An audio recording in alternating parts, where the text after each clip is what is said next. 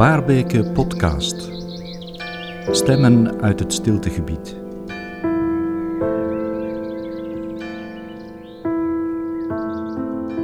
Hoe stilte, rust en ruimte positief kunnen inwerken op mens en samenleving, daar gaan veel gesprekken over in deze Waarbeke podcast. En wie met uitstek begaan is met een andere manier van werken en samenwerken in organisaties, dat is Martin Rubens. Tot voor kort secretaris-generaal van het departement Kanselarij en Bestuur bij de Vlaamse overheid en op dit moment projectleider van het nieuwe platform Innovatief Beleid van diezelfde Vlaamse overheid. Een gesprek in het Waarbekenhuis. Dag Martin. Dag Christine. Welkom in het Waarbekenhuis. Dankjewel. Op zolder. Um, hoe gaat het met u? Heel goed, prima. Ik voel me heel goed. Maar het is de eerste keer dat je hier komt? Dat klopt, ja. Ik had um, nog niet geraakt in het Waarbekenhuis. Ik volg wel al een tijdje de VZW en uh, ik heb ook deelgenomen aan conferenties, maar dat was altijd op locatie. En ik wou wel graag eventjes ook aan die zondagwandelingen deelnemen. Ik had ook de intentie om daarvoor in te schrijven. Het was een jaar en een half geleden en toen kwam ineens corona, covid en moesten we met z'n allen thuis blijven. Maar de kans is groot dat we je vaker zien hier in het Waarbekenhuis, want je hebt eigenlijk een functie ook opgenomen binnen de beweging, de stiltebeweging. Dat klopt, ja. Men heeft mij gevraagd om lid te worden van de Raad van Bestuur van de VZW, wat ik heel graag ook uh, wil opnemen. En het was vandaag onze eerste bestuursvergadering en ik kijk wel uit naar het vervolg daarvan. Ja. Mm -hmm. um, laten we het eens hebben over jouw um, professionele activiteit bij de Vlaamse overheid. Um, ik lees op je Twitter-account dat je meebouwt aan een warme overheid voor een warme samenleving. Ja, hoe probeer je dat te doen? Uh, wat doe je op, op dit moment? Dat innovatieve beleid waarover ik sprak in de inleiding, wat, uh, ja. wat is dat precies? Ja, het is een project dat ik uh, geïnitieerd heb ook en voorgesteld heb ook aan de Vlaamse regering. En vanaf uh, vorig jaar september ook formeel en in opdracht van de regering hebben kunnen van start gaan. En het een beetje vanuit de vaststelling dat um, de manier waarop we als overheid proberen maatschappelijke problemen op te lossen, ja, um, dat is eigenlijk wel aan vernieuwing toe. En die vernieuwing is niet iets dat nog moet gebeuren, maar is iets dat al aan het gebeuren is in verschillende mooie trajecten die ik zie bij mijn collega's in verschillende departementen en agentschappen. En wat ik zie gebeuren is dat daar uh, met veel zorg gekeken wordt naar hoe kunnen we vanuit die overheid op een meer open en transparante manier, in, echt in dialoog met onze doelgroep, proberen samen problemen aan te pakken. Niet van alleen vanuit het, uh, het perspectief de overheid moet nu alles oplossen, maar laten we dit samen met wat alle betrokken partijen doen.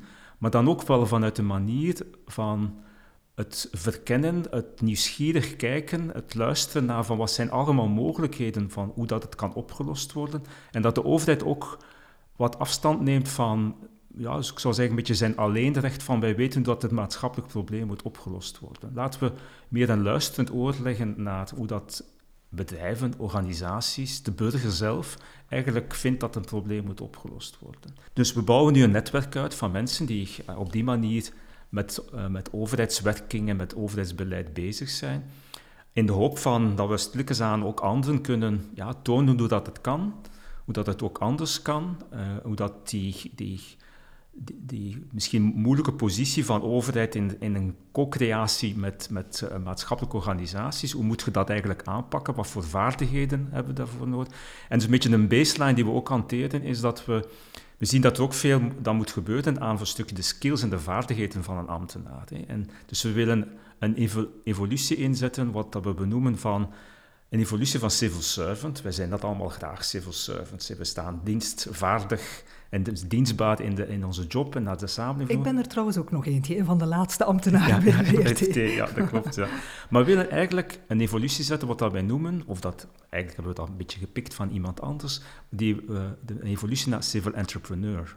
Iemand die eigenlijk nog altijd het algemeen belang heel hoog in de vaandel draagt, maar dat vanuit een meer ondernemende zin doet. Vanuit ja, die, die het, het, durven dingen opzetten die ook misschien kunnen mislukken, zoals een, ook een ondernemer, een start-up doet, met veel durf en moed om nieuwe dingen uit te proberen, maar ook heel wendbaar en heel veel krachten van als het niet goed loopt, oké, dan, proberen we iets anders. Hè. Maar ook van uit een grote dialoog met de omgeving, met, met de actoren waarmee men uh, te maken heeft in dat maatschappelijk probleem, om vanuit die dialoog eigenlijk ook uh, te kijken wat, wat, kunnen we, wat kunnen we vernieuwen, wat kunnen we in gang steken en, en zien wat het oplevert. Uh, dat is wat wij... En, en die vaardigheden van entrepreneur zijn is wel iets dat, dat denk ik dat we nog een hele weg af te leggen hebben binnen de Nieuw overheid. concept, ja. ja.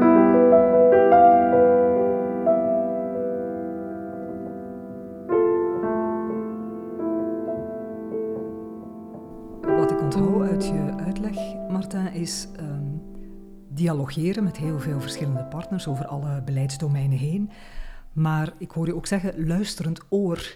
En dat is misschien wel een rode draad ook in jouw vorige functies bij de Vlaamse overheid. Luisteren klopt, naar ja, wat ja. mensen te vertellen hebben. Niet alleen mensen van je eigen topniveau, maar op alle niveaus in de organisatie. Dat klopt, ja. ja. Ik, heb daar ook... Het uh, is ook een, heel, een hele tocht geweest voordat ik tot dat, tot dat punt kwam. Hè. Uh, ik ben ook... Uh, ja, als jonge ambtenaar kom je in een, in een organisatie waar dat... ehm, ja, een zeer hiërarchisch gestructureerde organisatie, waar dat um, ja, luisteren een betekenis had, ja, je moet luisteren naar je instructies van je baas hè, en, en dan ook uitvoeren. En luisteren zonder vragen te stellen. Hè. En, um, Klinkt militair bijna. Ja, ja maar ja, dat was, dat was in de beginperiode. Ik, ik, ik ben in de jaren in 1990 in de overheid terechtgekomen. Dat was toch nog wel ja, dat was normaal. Je ging niet zomaar een bureau binnen van uw grote baas, want daar, daar zaten poortwachters rond, dus dat, dat lukte niet.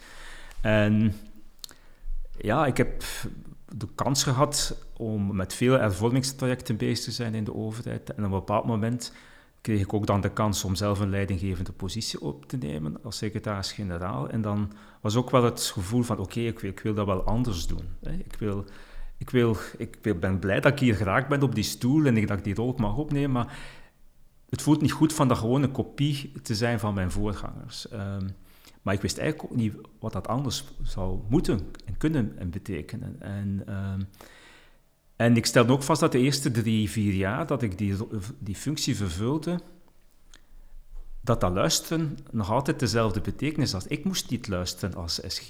Dit zijn mijn mensen, ik verwachtte dat mijn mensen naar mij luisterden. Hè. Um, en op een bepaald moment, ja, um, bijna letterlijk als ik in s'morgens de badkamer voor de spiegel stond, dat, dat ik in mijn eigen spiegelbeeld zag en dat ik mij afvroeg van, lukt dit nu op een andere manier dan dat ik eigenlijk zo was ingestapt in die functie. En, en dan moest ik eigenlijk aan mijn spiegelbeeld toegeven van nee, dit is niet anders. Ik ben eigenlijk in hetzelfde patroon.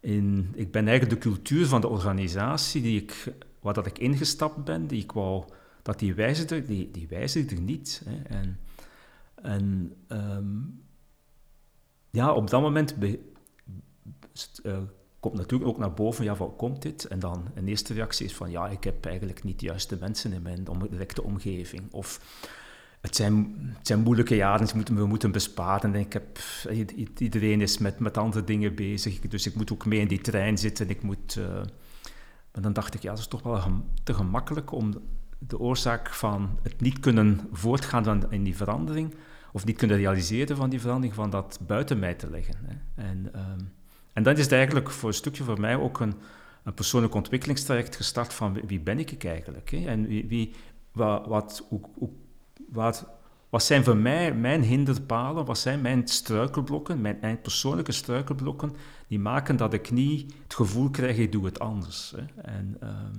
en dan is ook de, voor mij de, belangrijke ervaring geweest van... Um, die, ook dat contact met die medewerkers moet op een andere manier verlopen. En ik had mij in het bureau van mijn voorganger ge, uh, geïnstalleerd. Dat is een heel ruim bureau met salon, tv, Italiaans design, meubilair. Uh, heel hoog in de bovenste verdieping. Uh, omringd ook door, ja, ik kan het niet anders noemen dan poortwachters. Hè, een secretaresse, een chauffeur, een bode.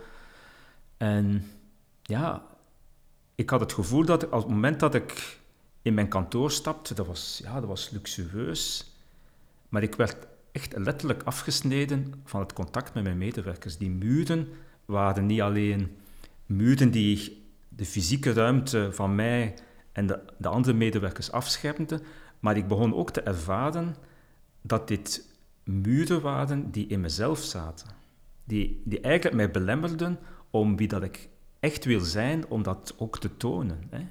Dus ik moest eigenlijk een ingreep doen, en ik heb dat ook gedaan. Ik heb de muren letterlijk afgebroken en gezegd, ik ga hier op deze verdieping ook een open landschapskantoor uh, maken. En het, het feit alleen van die muren weg te zijn, was, het leek alsof dat er ook iets in mij weg was. Uh, en dan voel ik van, nu kan ik beginnen luisteren naar de mensen. En is het niet meer omgekeerd dat zij naar mij moeten luisteren. Hè? En ik kan, ik kan. En ik moet zeggen, na een, aantal maanden en jaren heb ik ook die feedback teruggekregen van. Je bent niet meer de Martijn of de meneer Rubens van, van vroeger. Hè? Je bent nu Martijn en we kunnen eigenlijk ja, heel snel met, op de bal iets kort bespreken, iets kort afstemmen, uh, een, een, een, een, opdracht gewoon een keer brieven wat dat is. En ja, ja, het is niet meer de, dat wij moeten een heel parcours afleggen om tot bij jou te geraken, om, om iets met jou te bespreken. Hè. Het is, het is, uh, het is ja, vanzelfsprekend. Zien, het is meer vanzelfsprekend. Het, en voor hen is dat ook, het, uh, het, het betekende voor hen ook een, een heel groot uh, verlichting dat zij die zware stap van, ze moesten, en had de indruk dat ze heel voorbereid dossier moesten hebben, heel goed over nagedacht, voordat ze die deur mochten binnenwandelen. Hè. Vergaderen, verzoeken sturen enzovoort. Ja, ja en dan, ja, dat moest dan passen in mijn agenda. En, en, en eigenlijk... Eigenlijk was je onbereikbaar, ja, vaak.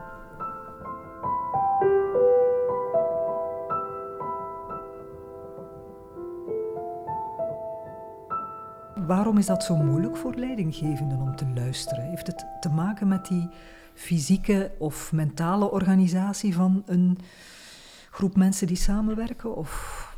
Ja, goh. Mijn ervaring... ja, wat je toch vaak merkt is, ja, je wordt dan wel uitgenodigd voor een gesprek, maar een echt gesprek is het dan weer niet. Hè? Je, het echte luisteren... Nee, nee, nee. nee, omdat... ja, ik, ik, kan mij ook zijn dus voorstellen in mijn beginperiode, ja, je nodigt wel mensen uit om, om iets te dialoog, om, om, om een, een, dossier toe te lichten, maar eigenlijk ben je al met een half bezig met een andere vergadering. En u, de opeenvolging van, van vergaderingen maakt ook dat je, ja, je, je, je creëert geen ruimte meer, geen tijdsruimte meer om met mensen te praten. En, en eigenlijk heb ik de...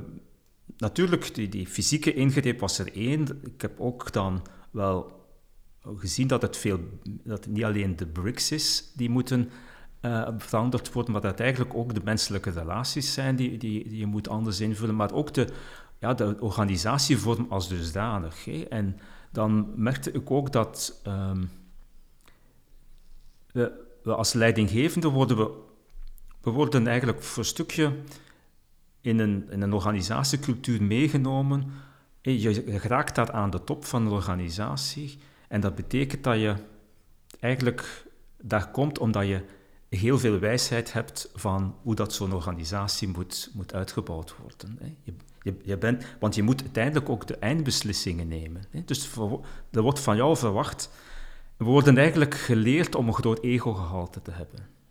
En, en om, om te tonen van ja, ik, ik, dat je onmisbaar bent ja, op die, op die plaats. Ja. Terwijl dat ja, en, en, corona heeft dat op zich al, al duidelijk getoond. Die pandemie is er onverwachts gekomen. En, maar dit is eigenlijk niet meer uniek aan de vele grote maatschappelijke problemen die we hebben. Hè. Die problemen die, die we nu hebben zijn, zijn van dermate complexiteit, en die pandemie is dat ook, dat de, om dit op te lossen, je niet eenvoudig een een kant-en-klare remedie al liggen hebt als overheid om dit op te lossen. Dus je moet, hoe dan ook, eigenlijk in gesprek gaan met vele, met vele actoren. En je moet ook beseffen als overheid, maar ook als leidinggevende in een, in een sector van die overheid, dat de wijsheid van hoe dat problemen moeten opgelost worden, die eigenlijk, we moeten veel meer mensen betrekken en veel meer wijsheid samenleggen, want we moeten durven toegeven dat we door de complexiteit van maatschappelijke problemen we eigenlijk vanuit één invalshoek, vanuit één referentiekader, dat eigenlijk niet meer weten hoe we het moeten oplossen. En die pandemie heeft dat duidelijk gemaakt, want men deed alsof dat het paniekvoetbal was, maar het was ook paniekvoetbal. Maar we hebben eigenlijk als overheid niet durven toegeven dat het paniekvoetbal was. En eigenlijk vind ik dat op zich geen... Ik schaam me daar niet voor om te zeggen, als, ambtenaar, ik weet het eigenlijk niet hoe dat ik een probleem moet oplossen. En hoe raak je daar dan uit? Door te gaan luisteren. Door te gaan luisteren hoe dat andere actoren in de samenleving naar datzelfde probleem kijken. En dan gewoon samen kijken hoe kunnen we dat gaan oplossen. Hè? Want elkeen heeft wel ergens een stukje van de puzzel. Laten we dan ook samen die puzzel maken. En ik denk dat we een, rol hebben ook als overheid om eigenlijk de, in, een, in, een, in een attitude te stappen dat we zeggen, oké, we maken samen de puzzel. Maar we zijn niet de, de grote puzzelmaker. Hè? We, we, zitten allemaal rond de tafel en elk legt zijn stukje en elk zoekt wat dat bij elkaar past en wat, dat, wat opgelost kan worden.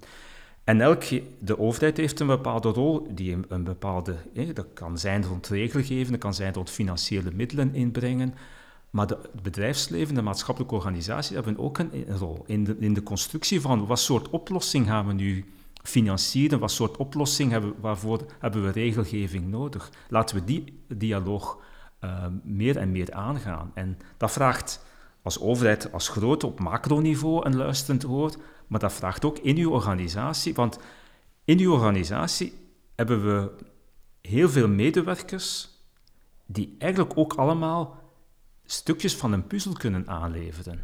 En laten we ook met die, los van hiërarchie, los van, uh, laten we die expertise gewoon proberen los te weken, hè, want die is er, maar die is dikwijls door heel veel hiërarchische structuren ja, ingekapseld en, en, en wordt gedraineerd en wordt, wordt gestroomlijnd, terwijl dat het, ja, het eigenlijk veel plezierig is van gewoon mensen rond de samenleving. Wie, wilt er, wie heeft er een idee van hoe dit, we dit gaan aanpakken? En laat het maar komen. Hè. En dan uit mijn ervaring van de afgelopen vijf jaar was ook van, het komt het ook. We, we geraken er ook wel uit. En natuurlijk zou ik kunnen zeggen, dat, dat duurt misschien langer dan, uh, dan een top-down beslissing, een top-down beslissing is toch veel gemakkelijker. Ja, ik, je geeft wat input aan uw leidinggevende en uw leidinggevende die, die leest dat en die zegt, we dat zo doen. Hè. En dan, dan is dat toch al dat palaver niet voor nodig. Hè. Ja. Ogenschijnlijk wel, maar mijn ervaring is ook dat het is niet die leidinggevende die dan de uitvoering moet doen. Het zijn dan de mensen op de werkvloer die de uitvoering moeten doen. En, dat, en of dat dan nu een, een, een departement, een administratie is, of dat is dat in een bouwbedrijf, is eigenlijk net hetzelfde. Het, het is in de uitvoering dat je met keuzes die gemaakt worden door de leidinggever, die eigenlijk niet passen bij wat, hoe dat het in de werkvloer uiteindelijk echt aan toe gaat, ja, dat, je, dat je eigenlijk dan pas veel tijd verliest. Want het lukt gewoon niet. Of het, het, En dat hoor je natuurlijk overal, hè? in alle organisaties, dat soort van fouten.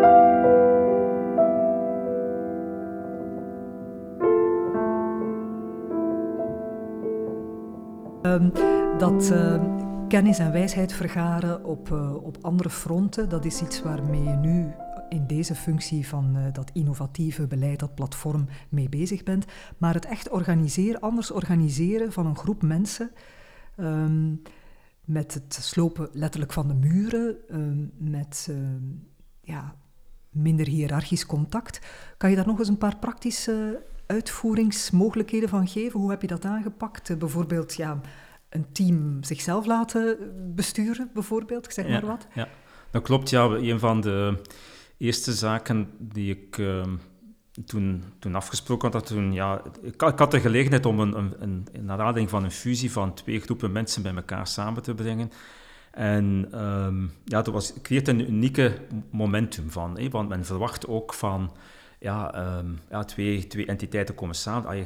De, de baas gaat dan een nieuw organogram uittekenen. Hè. En, um, en in, ik heb van dit is niet over één nacht ijs gegaan geweest, maar ik heb toen een beslissing van, oké, laten we het op een andere manier gaan organiseren en laten we de, de kracht van de organisatie opbouwen vanuit de teams uh, die er zijn. Uh, en laten we die teams ook heel veel verantwoordelijkheden geven in de manier waarop dat zij hun werk organiseren, maar ook in het aanbrengen van wat belangrijk is, van wat, dat het, wat dat zij voorstellen, waar dat financiële middelen moeten naartoe gaan. En, en laten we daar vormen van organisatievormen van samen ontwikkelen. Dus ik heb geen beroep gedaan op een of ander uh, fancy managementboek, maar ik heb geprobeerd van laten we de principes zelf creëren met de mensen die we hebben. En uh, een van de dingen was, ja, ik, ik, ik organiseer niet meer die traditionele jaarlijkse evaluatiegesprekken. Um, en natuurlijk, ja, sommige mensen waren blij omdat dat veel administratieve romslomp vroeg. Anderen zeiden, ja, maar ja, eigenlijk soms was dat wel een keer leuk van met mijn chef te, te, praten over wat dat ik allemaal goed deed. Zeker, zeker dat stukje.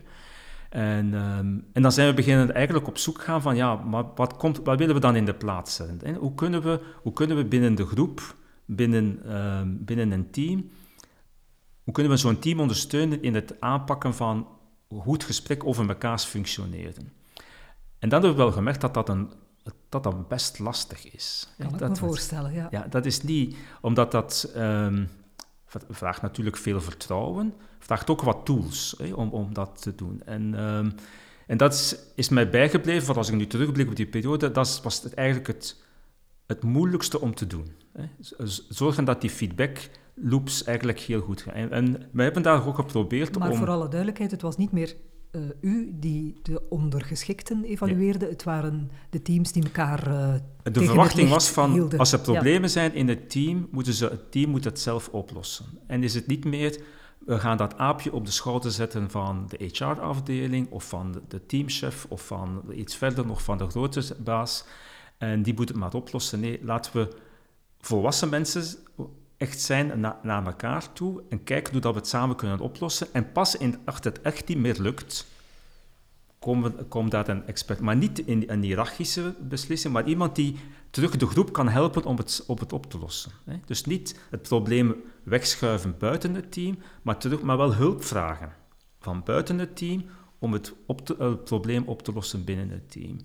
En ik moet zeggen, dat was een best lastige en is in mijn ogen nog niet echt goed gelukt overal. Um, maar daar worden we wel geconfronteerd van, dit is um, op menselijk vlak een heel uh, diepgaande, Deli delicate ook, en ja. diepgaande stap, waar dat we, ja, misschien zelfs als samenleving ook nog niet klaar voor zijn. Want als ik dat, als je kijkt naar het verenigingsleven, ja, dan gebeurt die moeilijke discussies worden ook niet uitgepraat. Hè. Um, en dat, dan dus wij hebben daar als samenleving uh, nog, veel, uh, nog veel werk om te doen. Um, iets anders is dat naar, naar, naar vormgeving toe, dat we...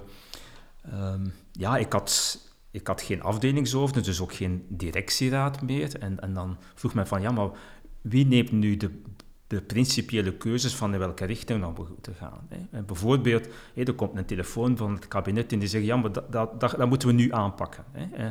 Ja, maar waarom beslist je dat je dat aan die persoon geeft? En dan zijn we ook daar op zoek gegaan van, hoe kunnen we, hoe kunnen we die werkverdeling nu gaan transparanter spelen? Want het, eenvoudigste is, als ik zo'n telefoon krijg van het kabinet, dat ik daar rondkijk en dan zeg, Jan, Piet of Paul, jij gaat dat, uh, dat opnemen. Terwijl dat er misschien Mark of Richard of Valérie eigenlijk klaarzitten van, ja, eigenlijk, dat lijkt mij ook wel een leuke uitdaging. Maar hoe breng je daar transparantie in? Hè? Hoe, hoe, hoe leg je eigenlijk, ja, hoe maakt je uit die, die van veel weg dat er komt, hoe maakt je keuzes, wie heeft daar de juiste competenties voor?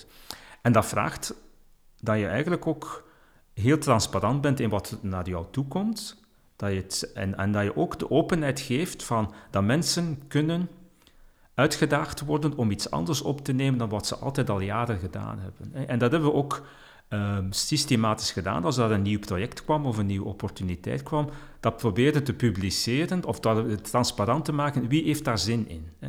Wie heeft zin om dat op te nemen? En dan, ja, dan stonden natuurlijk discussies van, ja, maar als die persoon uit mijn team weggaat, ja, dan wie gaat dat dan dat werk doen? Hè? Of er waren drie mensen die het graag wilden doen, ja, enzovoort. Ja. En dan, maar ik moet zeggen, dat, dat is eigenlijk beter gelukt dan dat het eerste voorbeeld van ja. evaluatielijnen. Omdat, ja, mensen hebben, denk ik, toch wel een betere inschatting van dit gaan wij liggen of dit gaan wij niet liggen, dat initiatief. En... Um, en zo hebben de mensen toch wel, een aantal mensen eigenlijk doorheen die, die vier, vijf jaar dat we daarmee bezig waren, toch wel van functie verwisseld en, en iets anders opgenomen. En ik zag ze ook wel openbloeien. Van, van, dan denk ik, oké, dat is, dat is, dat is een, klein succesje dat ik hier aan het boeken ben. Mensen hebben, zijn, zijn durven gaan tegen een teamleden zeggen, ja, maar eigenlijk we zijn altijd goede vrienden hè, als teamlid, maar eigenlijk wil ik wel een keer iets anders doen. Hè. Die, die, druk van dat, die druk van een teamgroep kan wel soms heel groot zijn en kan belemmerend werken ten opzichte van bepaalde keuzes die mensen eigenlijk graag zouden willen maken.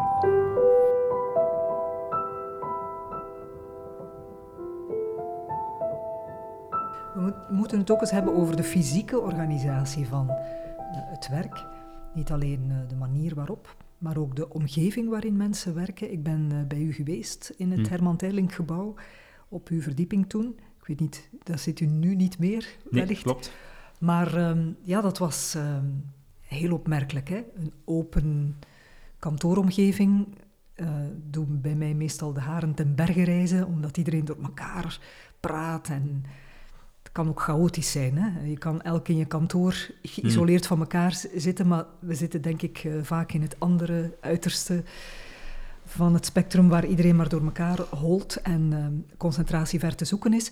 Daar hebt u ook een mooi uh, evenwicht in, in, gezocht en gevonden. Hè? Kan je dat eens uitleggen hoe dat uh, ja, eruit zag? Ja? Ik moet zeggen, bij het concept van het nieuwe gebouw, Herman Terling, heeft men eigenlijk wel heel goede keuzes gemaakt. Hè. Men heeft in de morfologie van zo'n verdieping heeft men heel veel aandacht besteed aan het uh, een mooie combinatie maken van ja, kleinere hoekjes waar dat men in stilte kan werken, tot ja, iets bredere omgeving waar dat men in groep kan functioneren, tot daartussen voor men in op een mooie vloeibare manier samengebracht, um, architecturaal, met, met interieurstijl die, die eigenlijk heel goed uh, en warm aanvoelt. Hè. Dus dat is, uh, dat is wel heel, was heel fijn om daarin te komen. Maar, ook veel groene plekken trouwens. Hè? Ook veel groen. Ja. Ik had, uh, onze derde verdieping had toegang tot een, tot een binnentuin met, met ja, echte planten. En dat was, dat is heel, ik vind, ben heel opgetogen over dit gebouw. Maar we zijn nog op onze verdieping nog een stapje verder gegaan. We hebben, ehm, we hebben niet gezegd bij de verhuis van we gaan die oppervlakte van was 160 werkplekken, ah, we gaan dat nu mooi verdelen. Dit hoekje is voor team A, dit hoekje is voor team B. En ehm, we hebben gezegd, en dat was eigenlijk een voorstel dat niet van mij kwam, maar van, vanuit de medewerkers zelf, die bezig waren met de, de verhuis van het ene gebouw naar het andere. Die zeiden van, ja, we hebben goede ervaringen gehoord van activity-based inrichten. Van, laten, we, laten we in die grote zone van 160 werkplekken, laten we die zone indelen in drie types. En van elk type twee of drie plekken. En dat was een, een, type, een, een type werkplek waar dat men zegt echt is echt een stilteplek, waar dat er andere afspraken gelden van telefoongebruiken, van met elkaar uh, uh, dialogeren tijdens het werk. Tot niet, niet dus, hè? Niet, niet telefoneren, niet, niet, telefoneren. dialogeren, gewoon iemand met rust laten die in stilte zich aan het concentreren is. Dat is tot een actieve werkplek waar dat men eigenlijk um, echt met elkaar samen zit om samen, elk rond een tafel, uh, niet, in een, niet in een vergaderzaal, maar men zegt van, eigenlijk vandaag gaan we veel moeten uitwisselen met elkaar. Oké, okay, dat, dat die groep kan samenzitten. En dat is een ruimte die, die open is, maar toch nog een beetje niet storend is voor de, voor de andere groep. En de morfologie van dat gebouw liet dat toe. En elkeen kiest dan in functie van het werk dat hij te doen heeft van die dag, waar dat hij gaat zitten. En voor mij was dat even goed. Ik, heb, ik ging dan zitten, bijvoorbeeld in de omgeving van iemand waar ik die dag een kort gesprek ging mee hebben. Of, uh, en ik ja, ver, verhuisde ook een beetje van de ene plek naar de andere. En, En, en u, zei, u, zei, al, uw eigen bureau, daarvan waren de muren uh, ja. weg, maar er was nog wel een soort ruimte die eigenlijk voor u bestemd was, maar waar u dan een meditatieplek van heeft gemaakt. Dat klopt, ja. En uh, het was een, in de inplanting van, van, van, het gebouw was voorzien dat er één ruimte was voor de leidend ambtenaar. En ik heb gezegd, ja, eigenlijk, ik was al niet meer gewoon van een apart kantoor te hebben in het vorige gebouw. Dus ik zei, ja, ik heb dat eigenlijk niet nodig. Laten we dan... En ik had in het vorige gebouw ook, ook al een, een meditatieruimte. Ik heb gezegd, laten we dat. Ik vind dat een mooie ruimte. Het is, uh, geeft met glas, geeft uh, zicht op de binnentuin. Uh, het is echt, dat is echt een, dit is echt een, voor mij als ik daar de eerste keer kwam, hoe dat verdiep, was dat voor mij, dit is een rustplek op deze verdieping. En, en we zijn dan verder gegaan in het inrichten uh, eerst als een stilte- en een meditatieruimte, die we aanboden aan iedereen, mocht daar, um, dat stond 24 uur op 24 open. Er was wel de afspraak, dit is niet de ruimte waar dat men een dutje zou gaan doen of een boek gaat lezen, maar het is echt een ruimte om in stilte bij jezelf te zijn en om eventjes doorheen de, om eventjes los te komen van de drukte van de dag. De drukte van het leven waar dan mensen gewoon in zitten. Want het is niet alleen het werk dat drukte geeft in ons, in ons hoofd, maar het is ook gewoon, we zijn een mens die meer is dan alleen iemand die gaat gaan werken. En eigenlijk merk ik dat mensen daar ja, toch wel gebruik, van, maakten. Ehm, in het begin was dat een beetje onwennig, van ja, ik ga nu in die ruimte gaan zitten, wat gaan de anderen zeggen dat ik daar ga doen? Hè? Ehm, maar we hebben dat proberen ook al laagdrempelig te maken door ehm, om de week of om de 14 dagen uh, daar op de middag tussen 12 en 1 uh, begeleide meditaties te geven. Er waren een aantal mensen die met mindfulness ook in de privé bezig waren, die zich spontaan aanboden, ja, we willen dat doen. en we hadden zo ja, een, een groepje mensen, en die, die, sommigen kwamen regelmatig, anderen kwamen een keer om de twee, drie maanden mee, meedoen, wanneer het paste, wanneer dat ze er noodzaak aan voelden. En dat was voor mij ook gewoon, een, voor mij persoonlijk ook een plek waar dat ik soms morgens gewoon eventjes ging gaan zitten. Om, om even, ja, ik kwam toe van, van het rust van het verkeer.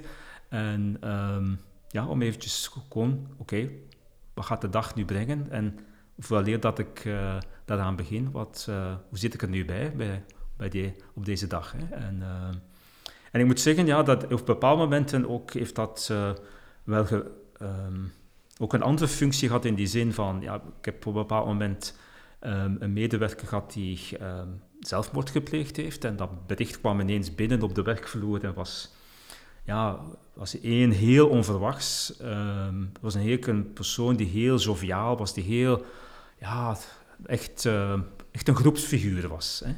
En die valt ineens weg. En dat was voor de, de, de naaste collega's. Ik zag dat, dat die dat die toeklapten. Hè. En, ehm, en ik heb hen dan uitgenodigd, oké, laten we even gewoon in die meditatieruimte gaan zitten.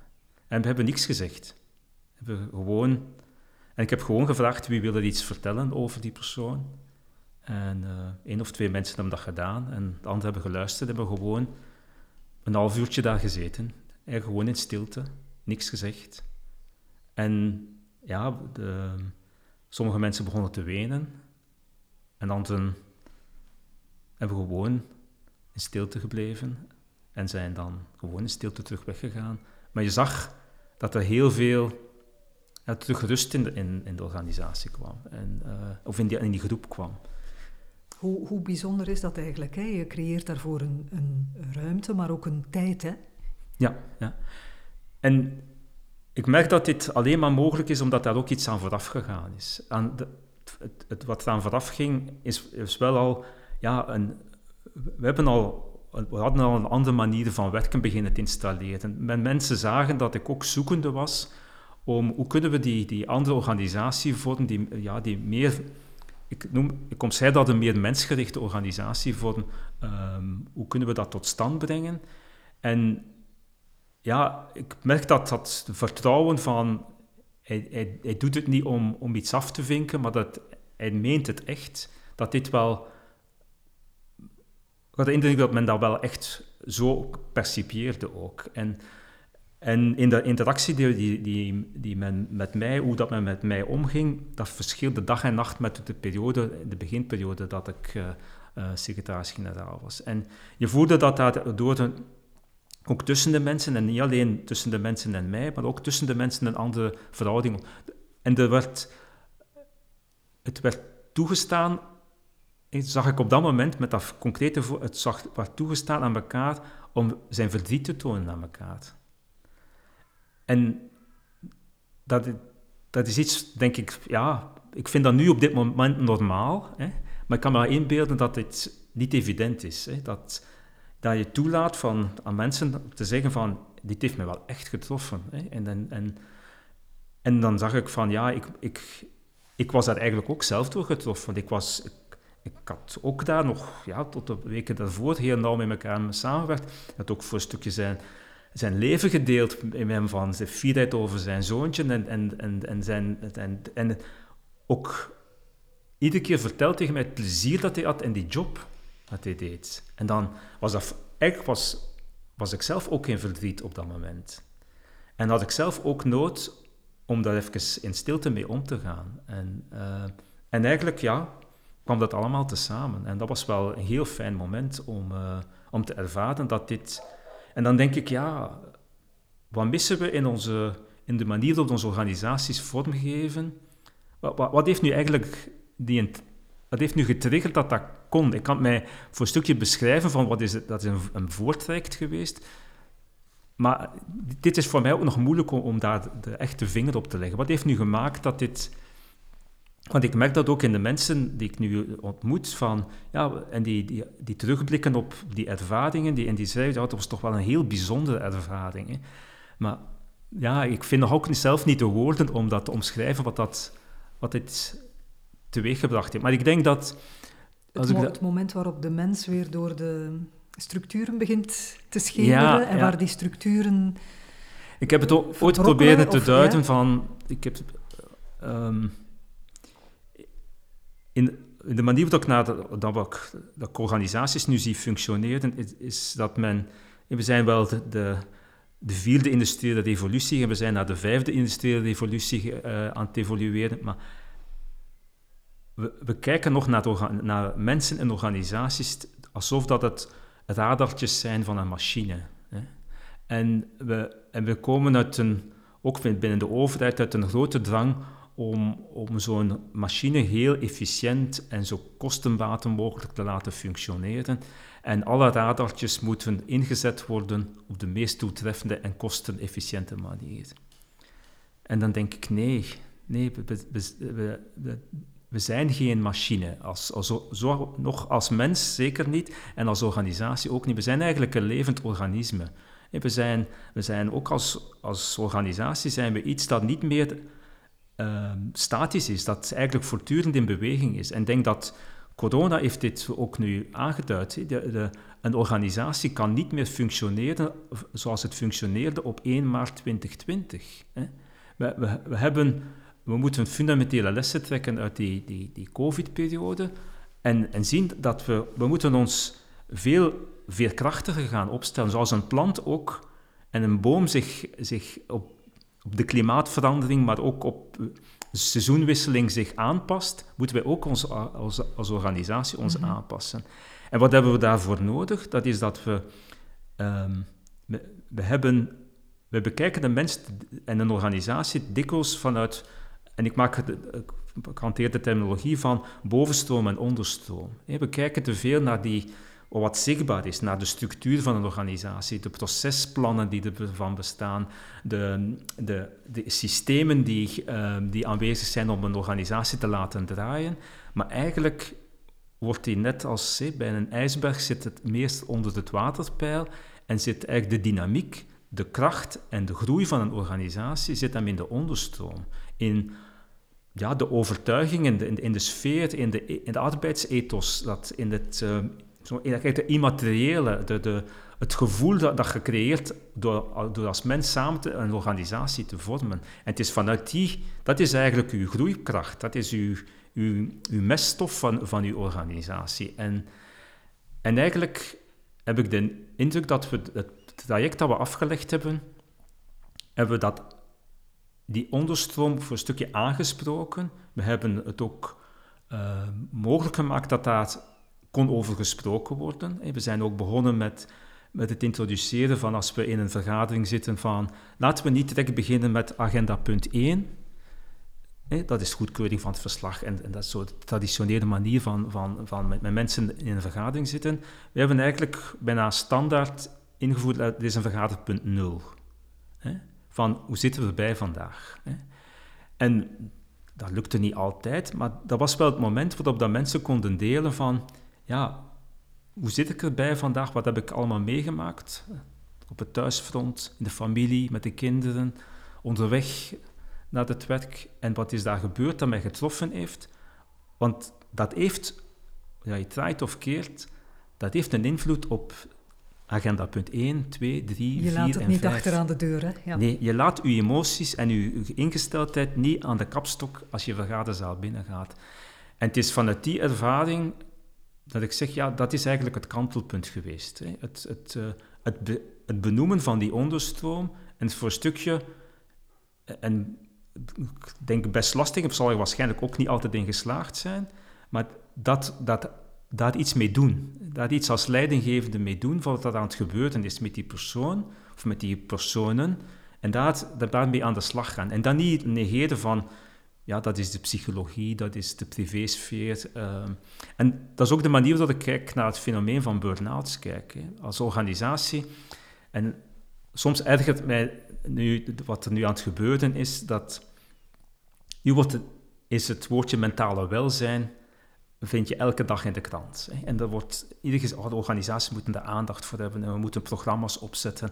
Een, mindfulness wordt nu als een, uh, als een nice to have, alleen dat als iets normaals beschouwd, van iedereen, nee, dat gaat het oplossen. En dan denk ik, ja, maar was, zijn we, als ik dat in de machinetaal uh, vertaal, ja, dan heb ik de indruk dat we met die welzijnsprogramma's en die aandacht voor het ehm, welzijn op het werk en dat mentale welzijn, dat we eigenlijk gewoon, ja, de batterij van ons mensen loopt leeg, laten we gewoon die weer vullen, zodat ze het weer kunnen draaien. Hè. En ja, is het, is het voldoende om gewoon batterijen opnieuw op te laden als mens? Of is het misschien meer nodig? Moeten we, moeten we gaan kijken van, hoe is het, wat is die aan het mislopen als organisatie? En niet, als, niet in dat individuele persoon, want die een burn-out, mijn persoonlijke ervaring is ook, dit is niet iets dat um, enkel de uitdrukking is van een persoonlijke knik in de kabel.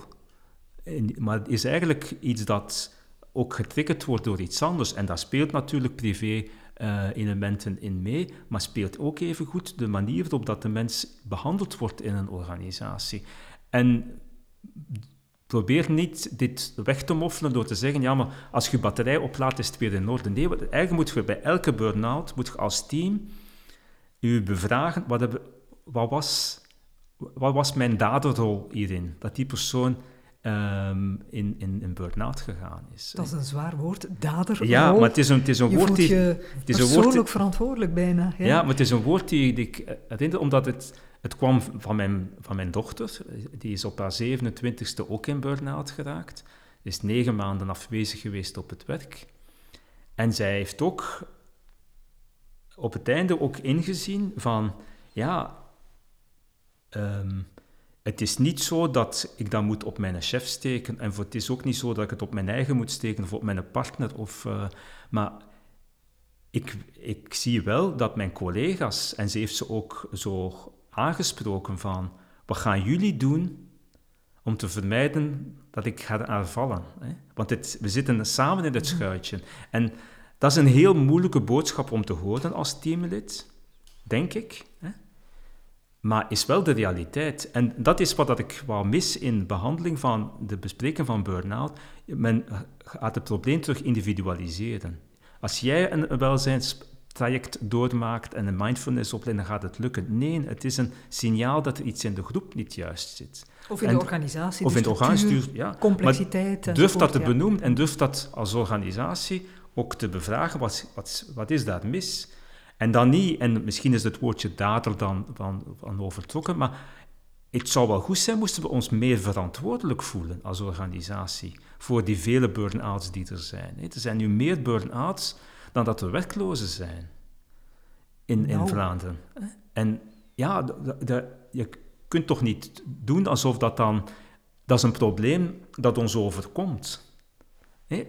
Werkloosheid is ook een structureel probleem van, van een economie die zich op een bepaalde manier organiseert en de arbeidsmarkt die niet kan volgen daarop. En dat is even goed voor burn-out. Dat is niet iets dat u als organisatie overkomt, dat er ineens één op de vijf mensen uitvalt in het ja, Dat is niet iets dat u overkomt. Dat is geen toeval. Dit is iets dat je, dat je ook als organisatie in de hand hebt.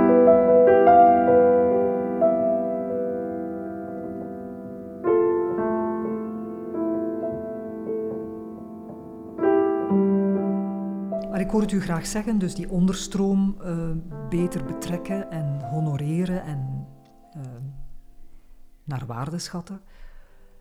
Maar er is natuurlijk ook die bovenstroom, die organisatiestructuur, en die is natuurlijk extreem complex. En dat is iets wat hmm. je bijna in elke werkomgeving hoort.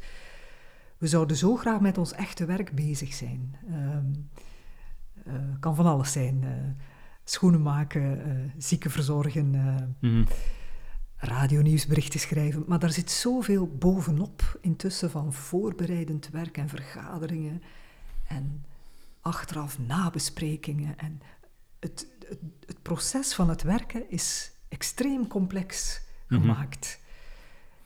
Zit daar ook geen, geen oorzaak van jezelf verliezen in die complexiteit en zeggen van ik, uh, ik abdiceer? Ja, klopt. Um als ik het terug... in, in, het onderwijs bijvoorbeeld ook. Hè. Ja. Leraars zouden zo graag echt met volle goesting 100% lesgeven, maar er komt zoveel bij kijken. Nee, ja. Nu, ik, ik denk dat, dat een van de grote uh, bezinningen die we als, als organisatie in onze economie, maar ook in het onderwijs moeten doen, is eigenlijk wat, um, wat winnen we als we durven meer autonomie en verantwoordelijkheid geven aan mensen. En veel van de overheidprocessen die we hebben in onze organisaties zijn er gekomen omdat we voor een stukje die angst hebben om die autonomie te geven. En we zetten daar controle op. En ik hoop dat we dat... Hè, want ik herinner mij in, in, in, vorig jaar, in april, ook, was heel veel discussies ook van wat is nu de beste oplossing om met zo'n crisis om te gaan, ja, dat is toch de bevestiging dat de top-down eenheid van commando. Hè? Nou, zo moet, zo moet het De, niet te veel, en dan gaan ze discussie met ons zeven of negen ministers van Volksgezondheid, en dan eenheid van commando. Dan denk ik, ja, dat klinkt goed, maar als je vanuit een helikopter, vanuit de eenheid van de, alleen maar de helikopterzicht op wat er zich aan het gebeuren is, als je niet koppelt, als je niet laat voeden met wat er in de praktijk gebeurt, dan, dan is de kans dat je verkeerde beslissingen neemt heel groot. Hè. En dat is dan dat is eigenlijk de uitdaging van. Op een bepaald moment moet alles samenkomen, natuurlijk, maar de voeding daarvan is heel belangrijk om dat heel zorgzaam te organiseren. En laat dit heel open en laat die. Um, en, ja, ik vond het ook wel spijtig dat men in die, in die men heeft wel die expertisegroepen um, eh, opgezet, maar men heeft nog toch een stukje terughoudendheid gehad om die, om die input die, die, die experten gaven, om dat vrij te geven, om dat buiten... Maar laten, laten we daar geen scrupules meer rond hebben, want ook zij zelfs de beste wetenschappers zeggen toch nog altijd op dit moment, eigenlijk weten we niet wat dat de impact zal zijn. Maar die twijfel hebben we toch niet zo vaak gehoord. En als iemand al durft te twijfelen, werd hij genadeloos ja, ja. Maar eigenlijk is dat wel een cultuurswitch die we in de samenleving moeten maken. Durf toe te geven dat er bepaalde problemen zijn dat het niet weet. En laten we dat vanuit dat niet weten elkaar zoeken, hoe kunnen we dat niet weten verkleinen. Hè? En dat is, dat is niet om, om, om... En vandaar ook, allee, ik heb het woordje ego gebruikt. Eigenlijk is dat de evolutie dat we moeten maken van een ego-samenleving naar een ecosysteemsamenleving. Want dit zijn, het is eigenlijk, we, we zitten met vele ecosystemen die elk een wijsheid hebben, die elk een, een, een, een mening hebben of een, een, een inbreng kunnen doen om een bepaald maatschappelijk probleem op te lossen. Laten we die ecosystemen in met elkaar uh, laten, meer laten praten en dan raken we er wel uit. Uh, Los van diploma's, aantal strepen op uw uh, ja. enzovoort.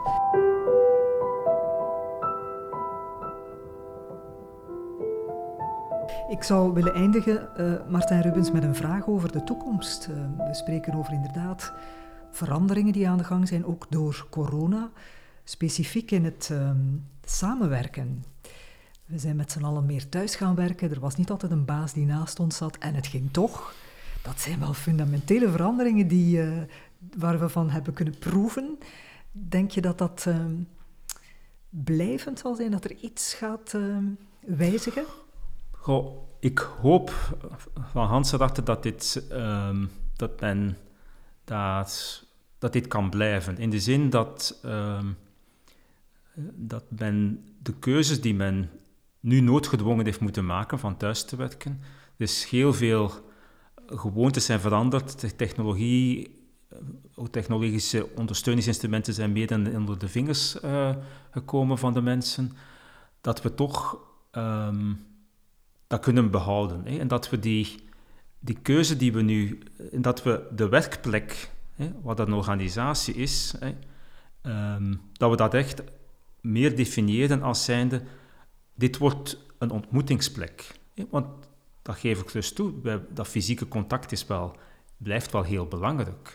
Maar laten we dat ook, um, daar ook heel zorgzaam mee zijn. Want we hebben ook gezien dat um, door, door thuis te werken, ja, dat ook andere problemen, een stukje mobiliteit, een stukje kinder, kinder, uh, arbeid, arbeids-gezinsverhoudingen uh, op een goede, betere manier kunnen opgevangen worden. Natuurlijk ook druk op uh, als het onderwijs dicht zou zijn. Maar kom, dat, ik merk dat, en we moeten ons als organisatie fundamenteel de vraag stellen, is het echt nodig dat we en masse zoveel mensen elke dag zichtbaar... Zich verplaatsen van huis naar ja, ja. Laten we het gewoon een ja. kantoorgebouw en bij de Vlaamse overheid is nu wel voor en stilaan ook die keuze nu aan het maken met het nieuwe kantoor 2023 daar aan het Noordstation.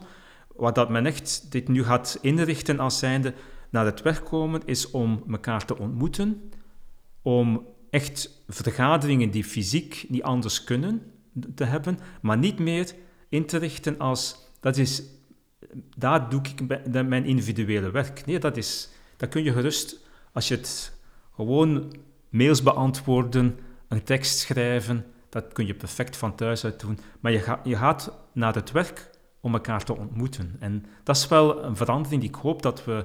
Het, we en het is niet meer, we gaan naar het kantoorgebouw omdat we daar gaan werken. Nee, we gaan een deel van ons werk gaan we in een kantoorgebouw doen. En het andere deel doen we van thuis uit. Of ontmoeten we elkaar op een andere gelegenheid. Ik heb met mijn projectmedewerkers, we hebben elkaar nu de afgelopen maanden we hebben elkaar, we hebben in negen, tien maanden zijn we aan, samen aan het werken en elkaar twee keer fysiek gezien. En twee keer bij mij in de tuin.